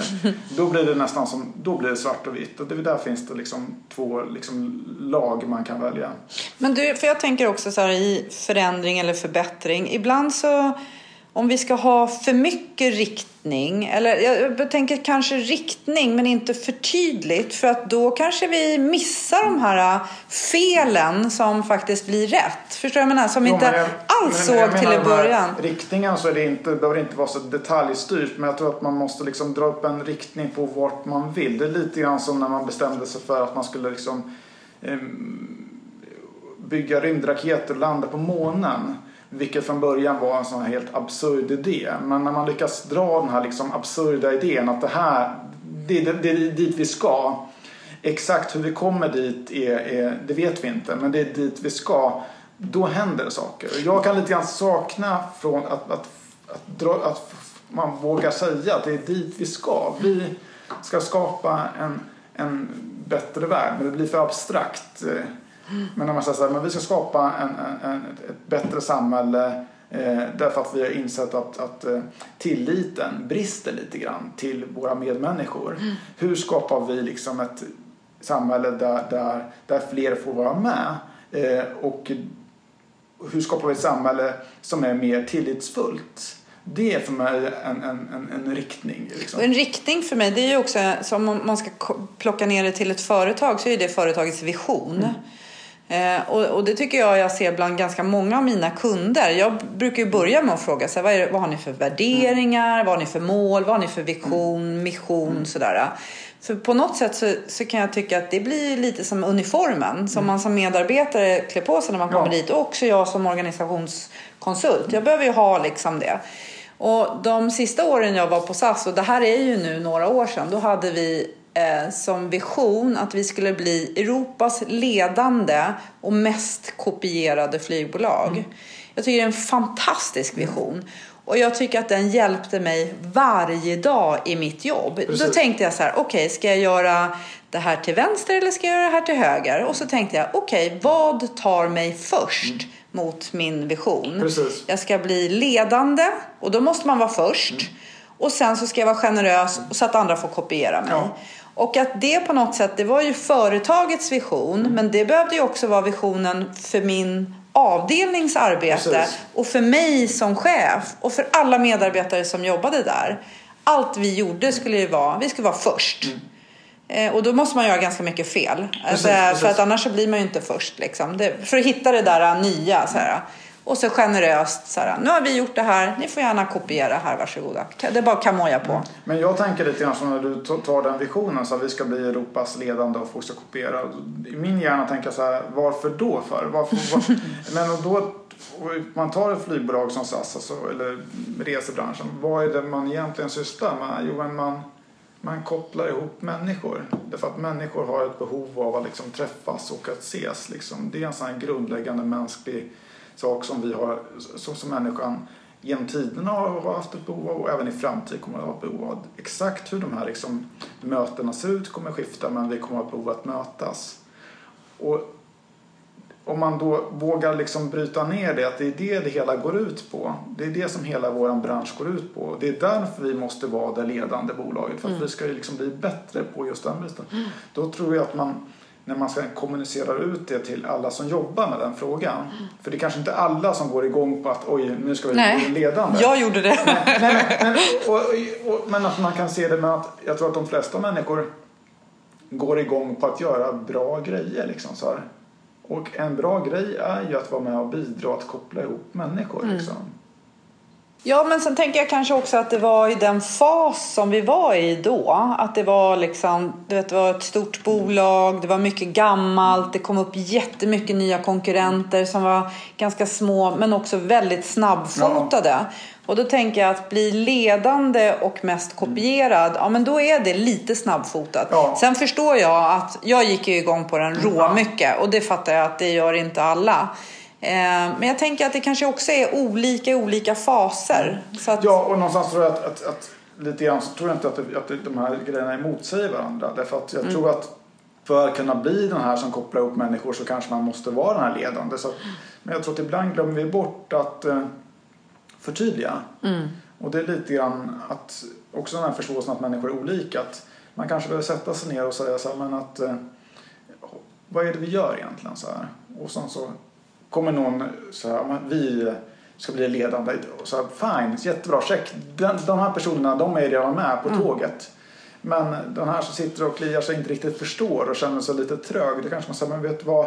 Det här med ledande, det går ju faktiskt ut på att vi vill göra det här. Mm. Jaha. Och då blir man ju, får man ju vara med ju. Så man Precis. inte känner sig utanför. Nej. Där tror jag man missar. Jag tror att man lite grann utgår från att alla människor hela tiden förstår för att det är uppenbart. Och sen när man gör det för tydligt så tänker man att det blir för infantilt. Yeah. Jag tror inte att man, att, uh, man behöver vara så himla rädd för det. För då får folk säga så här, men du, jag fattar. Liksom mm. så här.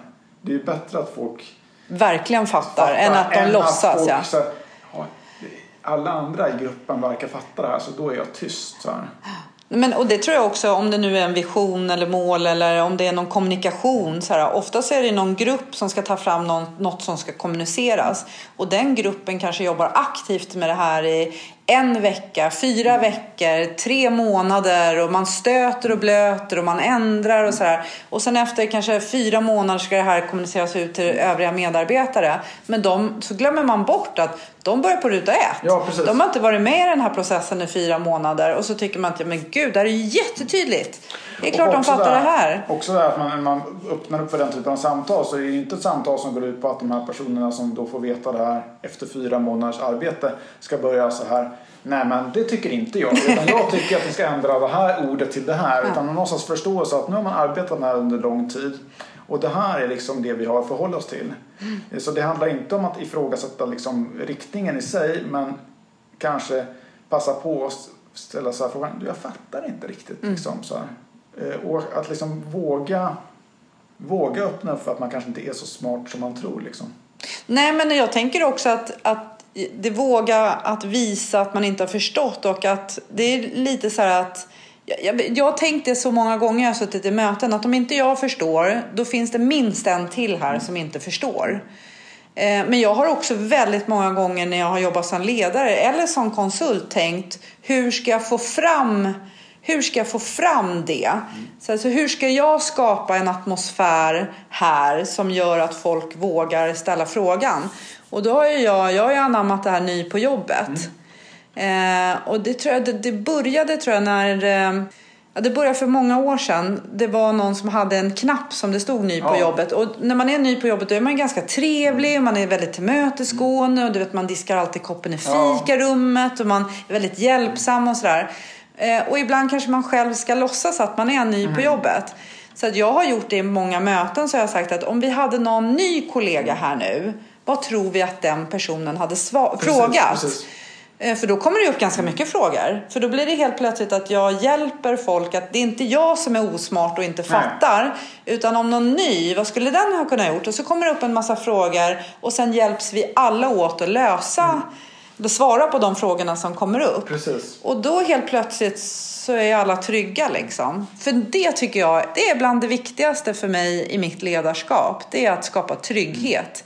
Inte så, här, så, inte så trygg så att jag inte så att jag blir så här fat cat och bara nöjd. Och liksom. Inte så, men att jag är trygg nog att ställa frågor när jag inte förstår. Eller... Och det är jättesvårt. Där kan jag dra en parallell när jag jobbade som lärare för många år sedan. Och då var jag yngre och eh, jag kunde gjort mycket saker och ting mycket bättre. Men jag var ung Fast det kan vi fortfarande, eller hur? Jag var ung och jag eh, fick en, en, skulle få en, en ny klass på gymnasiet och eh, det här var på en en en av de finaste skolorna och så vidare. Och just det här året så fick vi då höra att det var så extremt svårt att komma in på just den här utbildningen. Så att vi skulle få in väldigt smarta, duktiga elever, elever med höga betyg. Vilket jag tänkte så här, gud vad smidigt, vad skönt. Så nu får jag en så här homogen grupp av människor med toppbetyg. Tills jag knallade in i det klassrummet och såg mig omkring och då var det typ 33 tjejer. Vilket är jätteintressant för att eh, tjejer har ju oftast ett högre betyg än vad killar har från, från grundskolan. Och då tänkte jag så här, men det här blir ju fantastiskt ju. Problemet som jag upptäckte ganska snabbt var att det var alltid, de var alltid där i tid och det var knäpptyst med en lektion de satt och antecknade. Det fanns inget som helst skratt. Och plötsligt började jag tänka så här, gud är det fel på mina lektioner? Så här. Det här, de sitter ju och det verkar ju, ingen säger någonting utan de gör ju precis som jag säger. Det, det, det är ju någonting som är fel. Jag tänkte så här, det, här, ja, det, det, det är mig det är fel på. Så då började jag kolla runt bland kollegorna och de sa att men det är hos, likadant hos oss. Och jag försökte då föregå med gott exempel för som lärare är man ju ledare i, i klassrummet. Tills jag liksom förstod att det handlade inte om bara klassrumssituationen. Därför de här tjejerna var vana att de kom från olika grundskolor och de var vana att vara bäst. Och ingen ville liksom eh, blotta sig och göra fel. Mm. Därför att gjorde man fel, de var inte rädda för att lärarna skulle göra någonting. Men då fick de ju höra på, i, på rasterna och utanför skolan. Så här, ha dum i huvudet du är som ställde den där korkade frågan på historietimmen. Så det vet ju alla. Så att de skapade en negativ spiral som drog ner varandra på ett ganska obehagligt sätt. Som vi försökte som, som lärare arbeta med och vi försökte liksom, men det kom aldrig riktigt liksom till klarhet. Året efter så hade liksom snittet gått ner lite grann i, i den här utbildningen så att det kom in säg, fyra stycken killar och resten tjejer. Och de här killarna var lite mer omogna så att de fungerade som sorts icebreakers. De mm. räckte upp handen och ställde en korkad fråga. Men då kan de säga, har Kalle ställt den här, då vågade man. Så stämningen blev bättre så de fick en positiv spiral där man lyfte varandra istället. Mm. Men nu, Sara, nu, nu har det ju gått några år sedan du hade den där klassen. Känner du att du har fått erfarenheter som gjorde att du skulle ta dig an en sån klass? För jag tänker att det där kan ju vara en klass på gymnasiet men det där kan ju också vara jo, en grupp ja. i en avdelning på en arbetsplats. Och det där, där, där någonstans går det tillbaka till min grundtes att blir det för likriktat då. Det finns en fara med det därför att det finns en poäng med att få in en liten variation där. Därför att variationen i sig kan göra att dynamiken blir bättre. Alltså det är inte liksom per automatiskt, automatiskt jättebra om allting är likadant. Utan det finns en... Det finns... Det är bra med lite friktion. Men jag tänker om det inte finns friktion. Nej men det, hade, kan hade du jag liksom... gjort det idag då hade ja. jag antagligen skapat den friktionen. Men hur? Liksom, hur kan, för att jag tänker lite så här som att låtsas, om det är någon här som är ny, vad skulle den ha frågat? Det kanske kan vara ett sätt, ja, men hur skulle du annars göra? Jag skulle nog, jag har inte kanske tänkt på, på så sätt, men jag, jag, jobbade med en kille som drev bolag i Kina för, för, för många år sedan och han berättade att det var svårt att skapa dynamiken på, han hade bara kinesisk personal, jättesmarta människor med fina utbildningar. Man sa att det blev aldrig en diskussion, inte som i Sverige. Utan folk förväntade sig att han som chef skulle komma in och berätta vad man skulle göra och gjorde han inte det så, så blev det ingenting gjort. Eh, vilket slutade med att han, han hade tagit några av de här anställda och i enskilt rum och sagt så här, jag vill att du ifrågasätter mig på nästa möte. Mm. Vilket jag vill absolut inte göra, men lite grann, om du inte gör det då får du sparken mm. eh, och så körde han de här mötena och sen plötsligt så kommer den här personen och ifrågasätter. Mm. Vilket de här andra gruppen inte fattar att det här är riggat. Så att de tänker så nu, ja nu får hon sparken. Så mm. Och så visade det sig på sikt att hon inte alls fick sparken trots att det där premierades. Så jag hade väl lite grann som lärare kanske lyft ut ett antal individer och sagt så här att eh, jag Förvänta mig. Jag vill att ni på nästa lektion eh, svarar fel. Eller jag vill att ni mm. gör det här. Mm.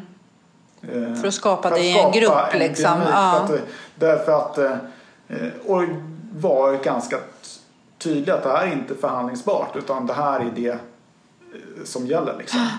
Och kanske också, jag tänker så här, kanske också få vara med i ett experiment. Ja men, ja, men så man skulle sälja, antagligen sälja in det så att jag tänker göra ett experiment. Ja.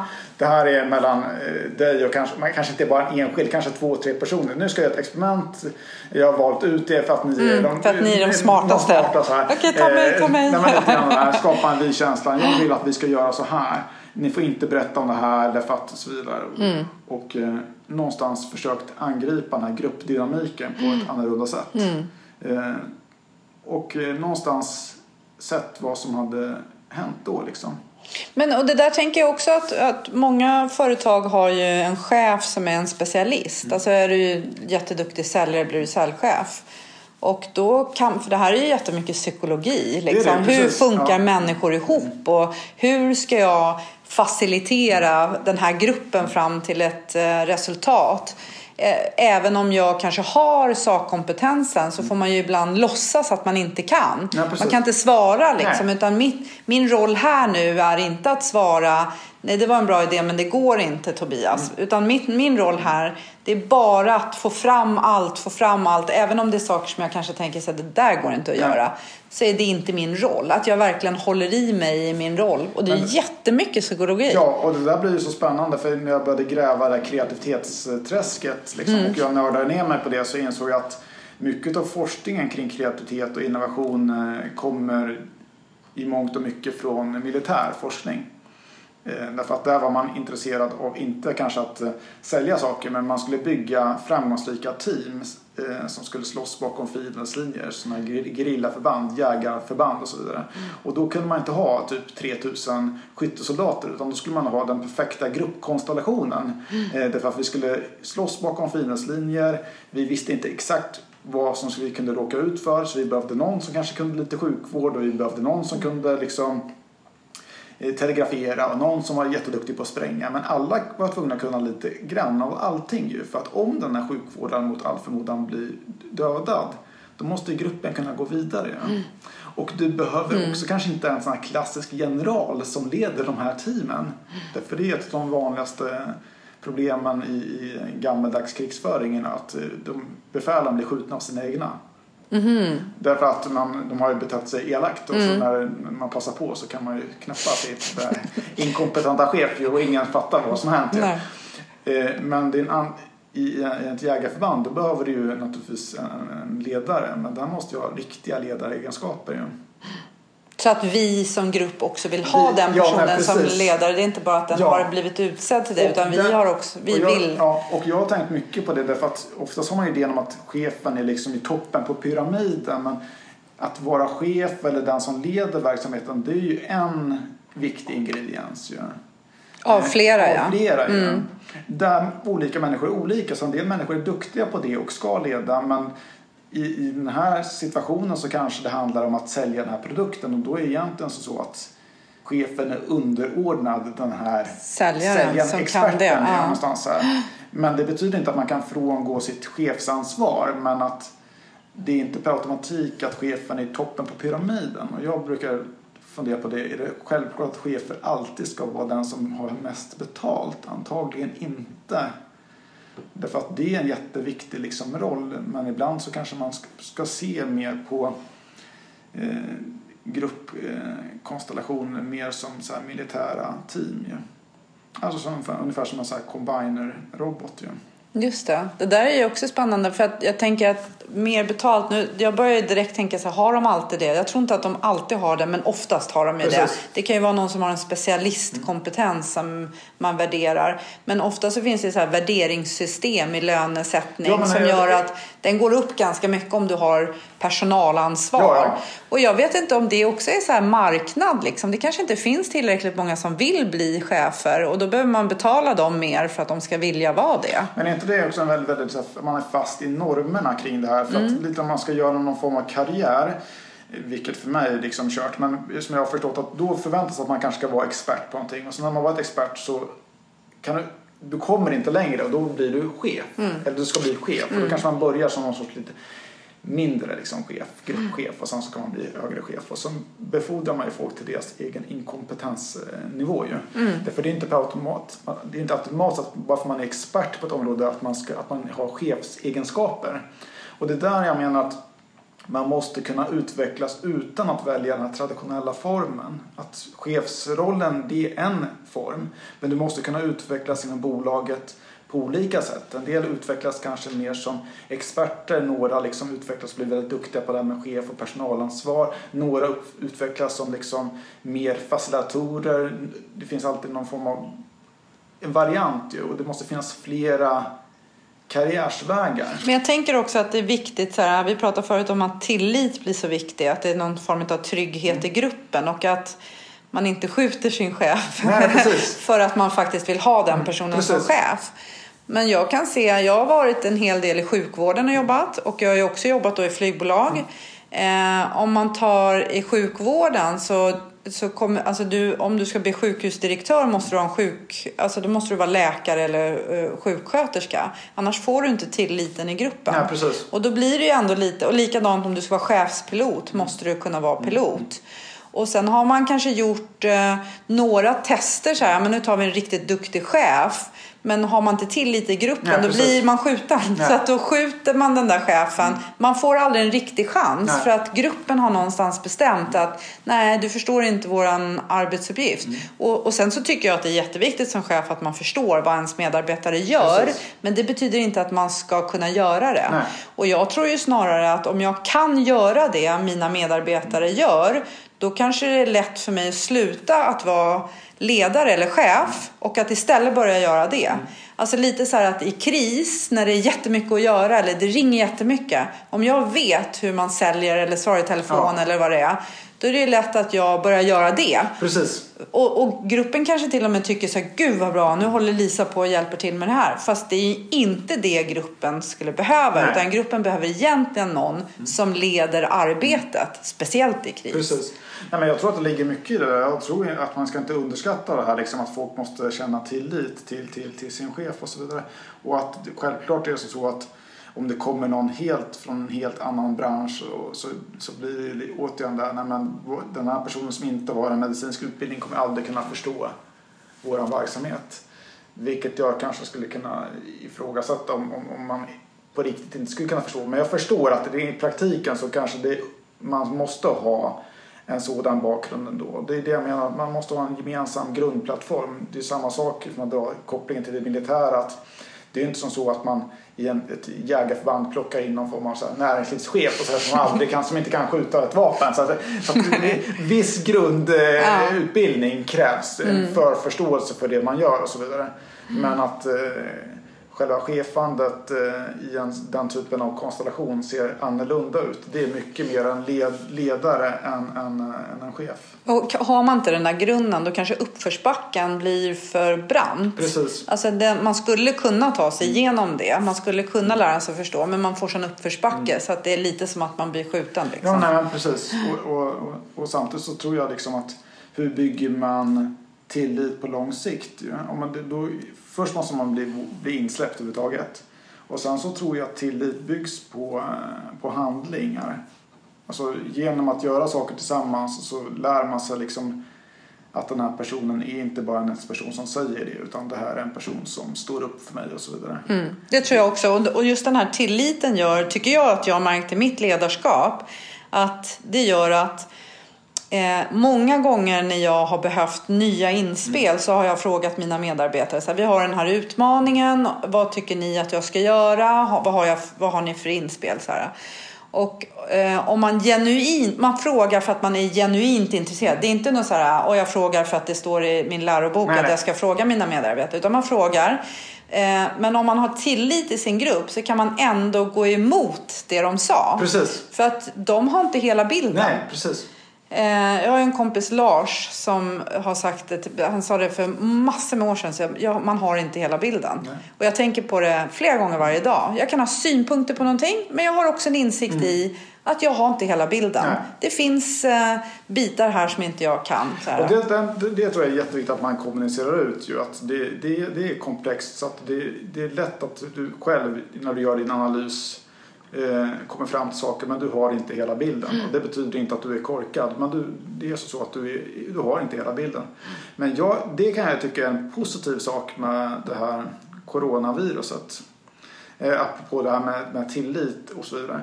Eh, därför att i en kris, där kan inte folk Ja, man kan ju bevisligen göra ingenting men då brister ju tilliten. Mm.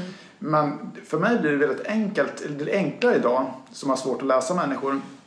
För jag tittar på människors handlingar. Och det här kommer att bli jättespännande efter. För det här blir ju avslöjande för väldigt många människor.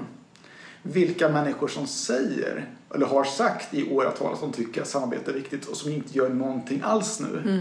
Eller som säger det och gör saker som är helt, dum, helt korkade. Och vilka som liksom klar, som levererar under den här pressen. Mm. För det här blir ett, för mig blir det ett före och efter Corona. Mm. Det, här är ju, ja, det blir enklare för mig eh, för att folk eh, tvingas visa vilka de är. Jag har, tänkt, jag har haft det ordspråket med mig i många, många år. Så här, begin with the end in mind. Eh, och den, den plockar jag ner liksom. Jag tänker den så här, om jag ska städa och det är stökigt hemma. Begin with the mm. end in mind. Hur ser det ut när det, när det är färdigstädat? Så det, det kan ju vara små saker och också eh, större saker. Men lite så här, när den här coronakrisen är över Eh, vem vill jag då ja, ha varit? Precis. Liksom, och vem vill jag vara då? Alltså, den här, det ger ringar på vattnet. Och jag är nog en person som sitter nu och tänker på ring 5, ring 6, ja. 7, 8 kanske. Så här. Hur ser det ut i december? Var är jag då? Ja. Och vad behöver jag liksom ha gjort och misslyckats med också såklart. Lyckats kanske också. Men jag, för mig Alltså, för mig började det absolut med passivitet. Mm. Jag blev passiv. Mm. och bara kände så här, inte panik kanske, men kris kände jag. Oh no, liksom. Och så, så småningom försöker jag hitta mina strukturella mönster på vad, vad är min eh, vad är min framgångsprocess? För att gör jag den strukturell så den är ju samma lika. Ja. Alltså oavsett om det är små saker i mitt liv eller större saker så finns det ju en, struktur, en framgångsstruktur. Precis, precis. Och vad är den? Ja, för mig är den tydlig. Det är att börja rycka och dra i mitt nätverk. Ja. Och, och därför sitter vi ja, här nu. Ja, det är liksom för, en för sån sak. Betydelsen av struktur är ju därför att det, jag tror, det som du säger att och den som säger att det inte är så tror jag delvis ljuger. Att, att, att det var någon som sa att nej men det här det, det påverkar mig inte alls. Jag blir inte ett dugg handlingsförlamad. Jag tror att alla mer eller mindre blev handlingsförlamad. Sen är frågan hur länge man stannade i den här handlingsförlamningen. Men ingen kunde förutse se det här. Eh, liksom att, att, att vi skulle stå i, inför det här. Eh, och ett av konsekven, en av konsekvenserna är ju att strukturen, den gamla strukturen slutade fungera. Mm. Och då måste den strukturen ersättas med en ny struktur. Mm. Det är enda sättet att komma ur handlingsförlamningen. Och ifall du inte riktigt vet hur du ska göra och är rädd för att göra fel, då då blir det ju en stor sannolikhet att vi hamnar i en handlingsförlamning. Men det är ju att byta ut strukturerna. Och jag som är lite halvt störd, jag kan tycka att det är både hemskt men också extremt spännande. För jag går ju direkt in i att börja bygga nya strukturer. En ganska kul grej som jag själv tycker är nöjd med. Jag upptäckte ju precis som, som vi pratade om att, att när det här skedde så fick man väldigt många avbokningar och ombokningar. Och från början så, så förstod jag inte riktigt vad som hände. Eh, och sen så tänkte jag att det här är ju också lite spännande. Så att jag började färgkoda de här eh, avbokningarna och ombokningarna. Därför för mig är det en ganska stor skillnad i folks beteende. Alltså vilka är det som avbokar och vilka är det som ombokar? Mm. Eh, och där kan man ju, man, som, har, som jag har gjort nu under längre tid, se ett visst mönster. Eh, kring ifall, eh, vad är de gemensamma nämnarna mellan de som avbokar och vad är de gemensamma nämnarna eh, mellan de som ombokar. Är det liksom, tänker du att det är på individnivå eller på vilka, det är på allting kanske för dig? Ja, det, vilka för, typ av företag ja, det är? Se, jag kan se en, en, en, en, enkel sak som jag kan dela med mig. Jag kan säga att väldigt stora globala internationella bolag eh, i alla fall för min del tenderade att avboka. Vilket jag någonstans har gått och grubblat och funderat på varför är det så? Och jag kan tänka mig att om man har en stor internationellt bolag så bör man kanske göra samma sak i alla länder och så vidare och man har inte någon flexibilitet och så vidare. Och det enklaste för ett sådant bolag när det påverkas över hela världen är liksom att nu vi får pausa det här. Mm. Eh, Medan när man är en mindre aktör och så vidare så är man kanske mer beroende av relationer och därför så är man liksom lite också mer mån om att, att uh, tänka kanske lite mer långsiktigt. Mm. Men för mig är det som sagt intressant. Eh, det genererar spännande data. Därför att det blir också efteråt lite, lite jobbigt att komma ihåg att, att det blir jobbigt att gå tillbaka och låtsas som att det inte var någonting. När man har gjort vissa saker. När man har avbokat tänker du? Så här, kommer de tillbaka ja. eller? Nej men alltså det, det, är inte helt liksom enkelt Nej. där. Sen kan man ju fortfarande ha en diskussion kring det. Men mm. det, jag tror att det handlar om vem vill, jag, vem vill jag vara efter det här? Vill jag vara den som inte som bara tänkte på mig själv mm. och gjorde det som säkert var formellt korrekt? Eller vill jag vara en annan person? Mm. Det tycker jag är jätte... Och det är ju hela tiden kopplat tillbaka till det här att mina handlingar definierar mig som person. Det är inte bara vad jag tänker eller vad jag säger. Utan det är ju faktiskt det jag gör. Ja, och för en person som, inte, som har svårt att läsa människors liksom... Det är väl ingen som människa som kan läsa andra människors tankar. Men jag som hela tiden tittar på människors beteenden och på deras handlingar. Mm. Så blir det ju enklare att titta. För det där blir det ju svart och vitt. Eh, vem gör si, vem, vem pratar om samarbete och gör, gör Vem tänker på sig själv? Vem avbokar? Vem mm. ombokar? Mm. Eh, och det har ju, jag tänker också väldigt många så steg framöver. Mm. Därför att det här, är, det här är, är komplext för ingen har en aning om hur länge det här håller i sig. Eh, en del säger att det här kanske över till sommaren, andra säger att det här pågår kanske till jul. Några som jag har pratat med tror att det här kanske pågår i 18 månader. Och jag menar, vi klättrar, många klättrar redan på väggarna nu. Tänk om det här, de här 18 månadersmänniskorna har rätt. Fatta vad jobbig jag kommer ja. bli om jag inte får kramas på 18 månader. Men jag har ju själv börjat tänka rent så här, för att vem vill jag vara? För jag har alltid sagt så att jag är inte så liksom, jag vill inte ligga människor till last. Jag vill vara med och bidra. Och det är kanske det största problemet i coronatider just nu. Att jag känner att jag inte riktigt bidrar på det sättet som jag skulle vilja göra. Eh, och det handlar inte, man kan ju stödköpa och eh, volontära och sånt där. Men jag vill bidra med någonting som för mig är vettigt ju. Och jag har alltid sagt att skulle jag någon gång bli arbetslös, jag är inte så kinkig, jag kan jobba med, med, med vad som helst. Vad som helst. Mm. Och det är lätt att sitta och säga det. Mm. Men sen kommer det till kritan, ja, men kan jag det på riktigt ju? Mm. Eh, och jag tänkte själv att om man säger att situationen är likadan i, i, i augusti, att det är fortfarande i princip inga föreläsningar och jag kan ju fortsätta promenera och strukturera, analysera men vill jag vill jag vara en sån efter corona när folk sa vad gjorde du under de här 18 månaderna? Ja, men jag promenerade varje dag och sprang och jag analyserade data. Eller vill jag liksom på riktigt vara den som jag säger mig vara? Och min eh, reservplan eller min tanke nu är att om det ser likadant ut i, i augusti då kommer jag att eh, gå in i skolans värld. Därför att där kan jag vara med och göra någonting viktigt. Därför att alla pratar om sjukvården idag, och man pratar, vilket är jätteviktigt. Men vi håller på att förstör för väldigt många unga människor. Mm. Eh, och om jag, inte för att jag drömmer om att gå tillbaka till skolans värld, men där tror jag att jag ska kunna göra en skillnad. Mm. Så att jag skickade faktiskt in papperna för typ två veckor sedan om en ansökan om lärarlegitimation. För det behöver man inte ha när jag Nej. Eh, och jag har aldrig tänkt att jag någonsin ska gå tillbaka. Men, eh, så jag, det ska processas. Så jag mm. misstänker att jag, jag, jag har... Och det kan jag leva med. För folk efter corona säger så här, vad gjorde du? Mm. Så, så vet du vad, jag var tvungen att, att pausa med, med föreläsningar och den här rådgivningen. Därför att eh, situationen var som den var. Men jag låg inte på sofflocket jag gjorde någonting. Jag gick ut och eh, kavlade upp ärmarna mm. och eh, både tänkte och agerade på det. Mm. Jag att vi... Det kan bli en, en, lite undervisning i höst. Mm. Och det, där tror jag man på riktigt behöver hjälp. Mm. Tänker att det var ett bra avslut. Mm. Jag ska också göra något. Ja men det ja. bestämma sig och sen någonstans att vad är det värsta alltså, som kan gå? Alltså, som kan hända? Att eleverna kastar tomater på en? Eller liksom... ja, nej, men sen, det är en annan sak som du säger som jag också tycker är så bra. Att det finns, eh, och det är väl kanske lite det som, om jag tänker så här, min framgångsprocess mm. som faktiskt ser likadan ut i alla framgångar som jag har haft. Det är ju att jag börjar dra i mitt nätverk. Och sen eh, ibland blir det rätt, ibland blir det fel. Och lite som du säger att du har skickat in papperna för att få den här legitimationen. Du sitter ju inte och väntar till augusti, Nej. utan du har gjort det. Och jag menar, är allt löst då? Ja, men då kanske du inte behöver den legitimationen. Eller, då kommer du, eller så kommer du kanske säga så här att Nej, men jag kommer föreläsa lite, men jag ser fortfarande att jag kan göra stor nytta i skolan.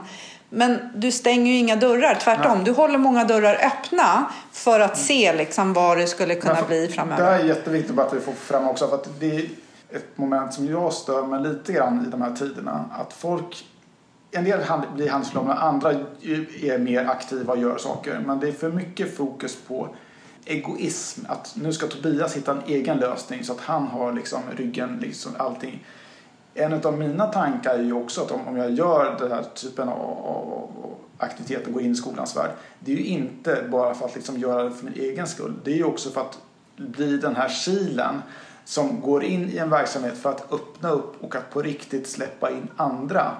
Det vill säga att det gör ju inte jag bara för att jag ska få någonting att göra på dagarna utan jag ser att jag, för att jag ska inte börja men jag ska också öppna upp den biten. För där kan jag använda mitt nätverk för att öppna upp till de människor som säger att jag skulle också vilja göra någonting vettigt. Och där tror jag hela, ta föreläsningsbranschen, tala om vilken potential om man skulle stoppa in all den klokskap och kunskap som finns och ge den till, till svensk skola. Hur bra hade inte det varit? Då hade man ju i efterhand sagt så här, okej vi hade inte så mycket så här företagsgigs men vi körde det här med högstadiekids över hela landet ju. Ja, jag är på. coolt. Jag har ingen Ja. lä- lärarlegitimation, men jag är med dig. Nej, men det, är, det är det jag menar, att man behöver bara det en trojansk häst. Ja, det är du som är hästen. jag gömmer mig. Ja. Mm. Tack snälla Tobias. Tack.